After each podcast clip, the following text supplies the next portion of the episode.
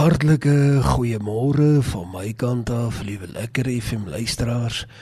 Wat 'n voorreg op hierdie donderdagoggend om te mag stil word. Om te weet omdat ek weet dat die Here kyk na my. Ek wil vandag vir jou wat ingeskakel is op 98.3 die versekering gee dat die Here bewus is van jou omstandighede. Daar is niks by die Here onbekend nie.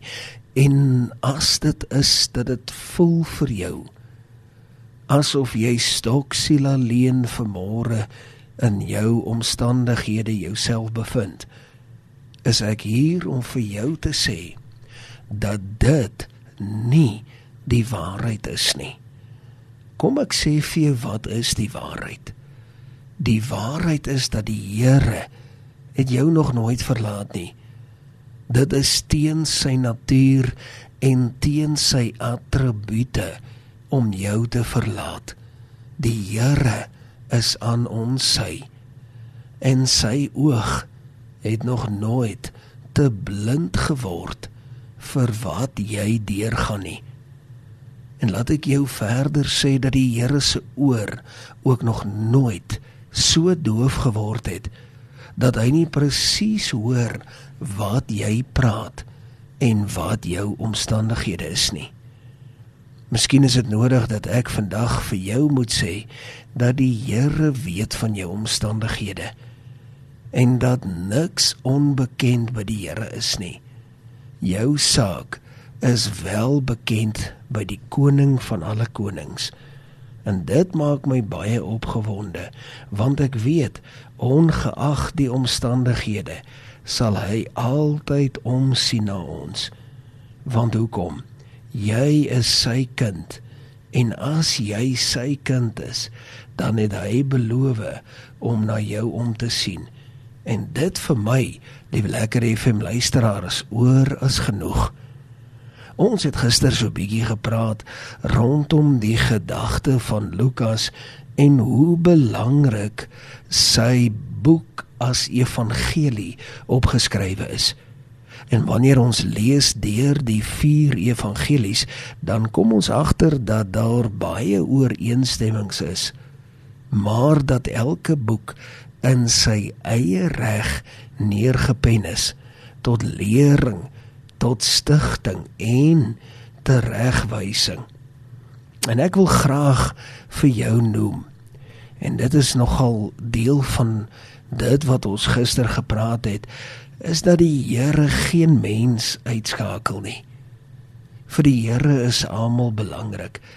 En as ek net so hooftrek rondom dit dalk weer daar in jou midde kan inblaas, is dit juis die feit dat die Here altyd daar is vir een en elke persoon.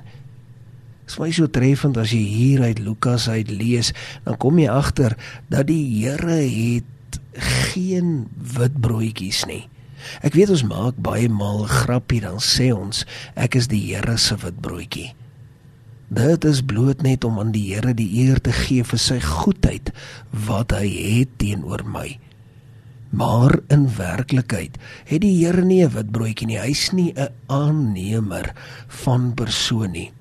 Die Here is wie hy is vir almal wat vir hom lief is ongeag ryk of arm, ongeag man of vrou, ongeag of jou hare blou of groen is. Die Here is nie 'n aannemer van persoon nie en hy het gesterwe vir ons almal. En dit is so 'n wonderlike gedagte en dit laat my so soveel sekuriteit ervaar en soveel berusting wat ek daarin vind. Ek wil vanmôre net so 'n bietjie gesels rondom 'n aspek wat ek nogal die laaste paar weke as baie baie belangrik ag. Maar voordat ons daarby kom, gaan ek jou vra om saam met my te bid vir dit wat ons juis vandag hier oor gaan praat uit die woord van die Here. Kom ons sit net so, dan sluit ons die oë dan bid ons saam. Hemelse Vader, Dankie vir u woord. Dankie dat ons uit u woord uit kan leer dat ons uit u woord uit ook gestig kan word en dat ons baie effektiewe voorbeelde vanuit u woord ontvang en dit maak ons baie opgewonde dit maak my baie opgewonde Here dankie dat ons weet u is daar en dat u nog nooit enige dag of nag van ons gewyk het nie dankie vir u liefde in Jesus naam amen en amen as ek 'n titel vir môre op my woord kan plaas op my oggendoordenkings sal dit wees om jou geestelike lewe te skeduleer. Jy sal nou onmiddellik vir my vra maar waarvan praat ek? Hoe kan 'n mens jou geestelike lewe skeduleer?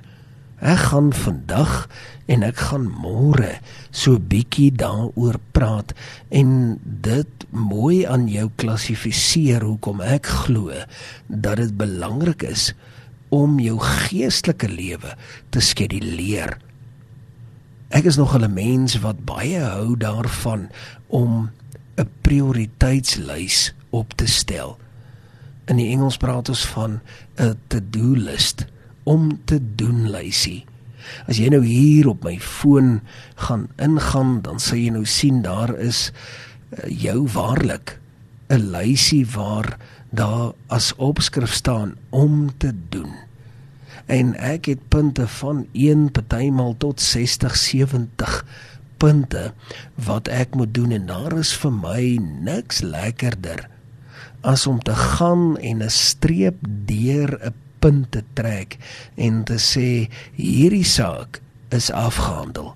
Om 'n om 'n streep deur 'n sekere punt te trek en te sê hierdie het ek ek het dit gedoen. Ek het dit afgehandel. Dit was 'n punt op my prioriteitslys en ek het besluit om dit af te handel. Ek het gevind wanneer ons besig is met die werk van die Here is dit telke male nog 'n probleem om uiteindelik te doen wat ons sê ons sal doen. Nou ek wil vandag vir jou sê 'n goeie intensie is pragtig. Jy weet 'n goeie intensie is van die beste. As jy 'n goeie intensie het, daar is niks verkeerd daarmee nie. Daar dit is 100% reg en ek stem daarvoor. Ek gee 'n lekker duim op vir 'n goeie intensie. Maar dit bly bloot net 'n intensie as ek en jy nie oorgaan in aksie en dit wel doen nie.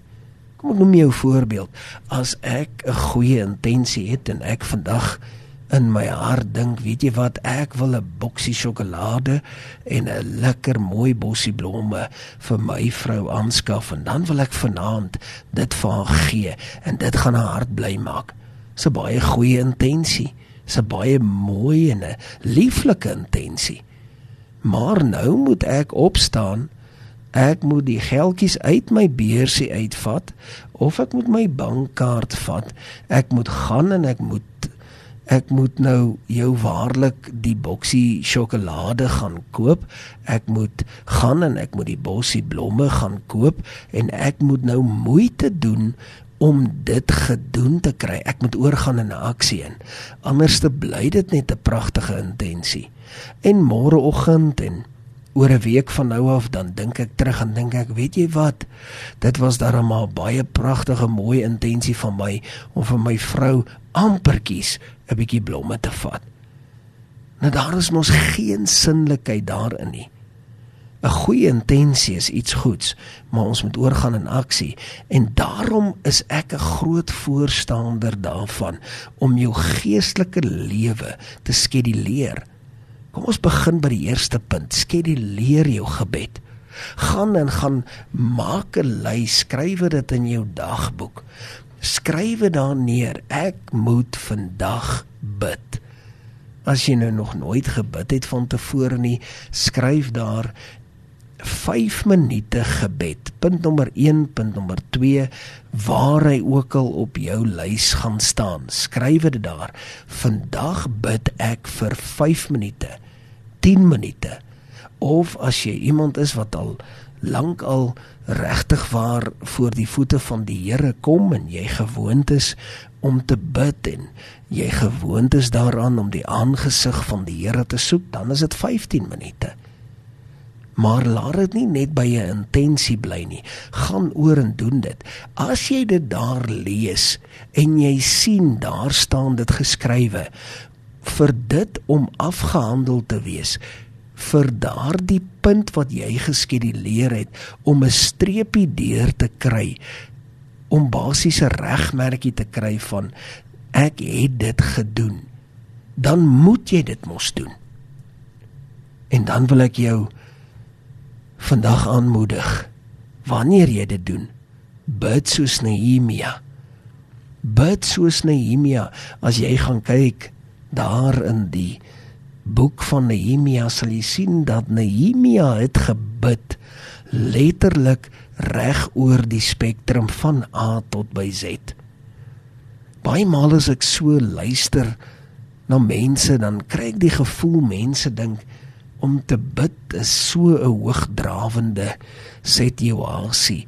Dis iets wat wat jy moet net die hoogste woorde wat jy ken, die hoogste Afrikaanse woorde wat binne in jou woordeskat is, moet jy nou gaan en jy moet dit gebruik wanneer jy bid. En jy kan nie oor dat bid nie en jy kan nie oor hierdie bid nie want dit is te lig om oor te bid.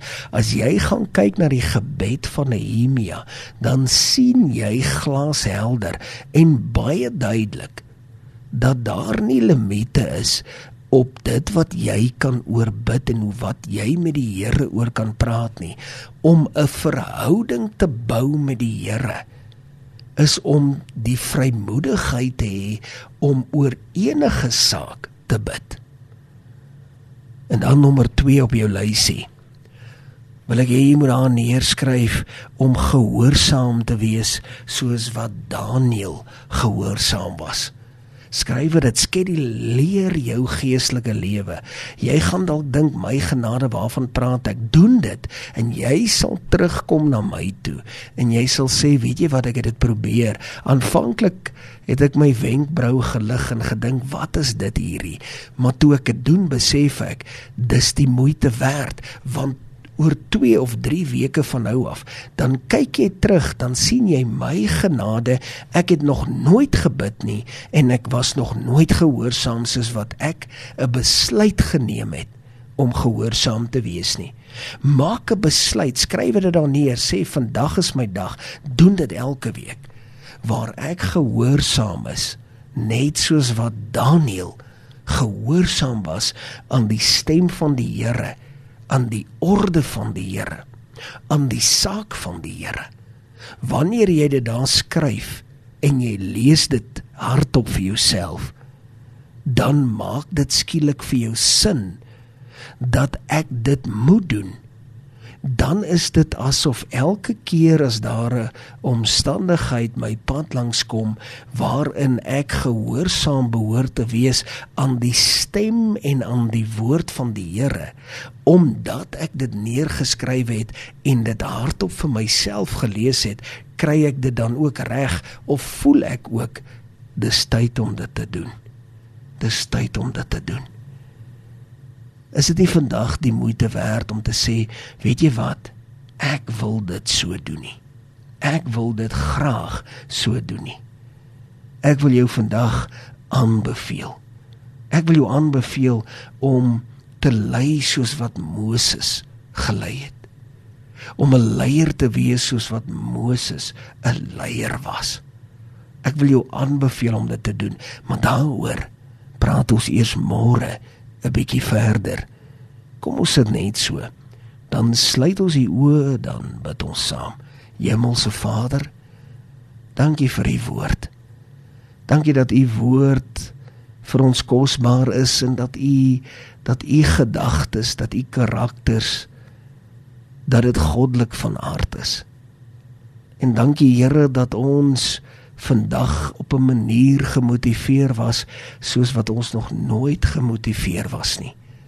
Help ons daarin en lei ons daarin is my gebed in Jesus naam. Amen. En amen.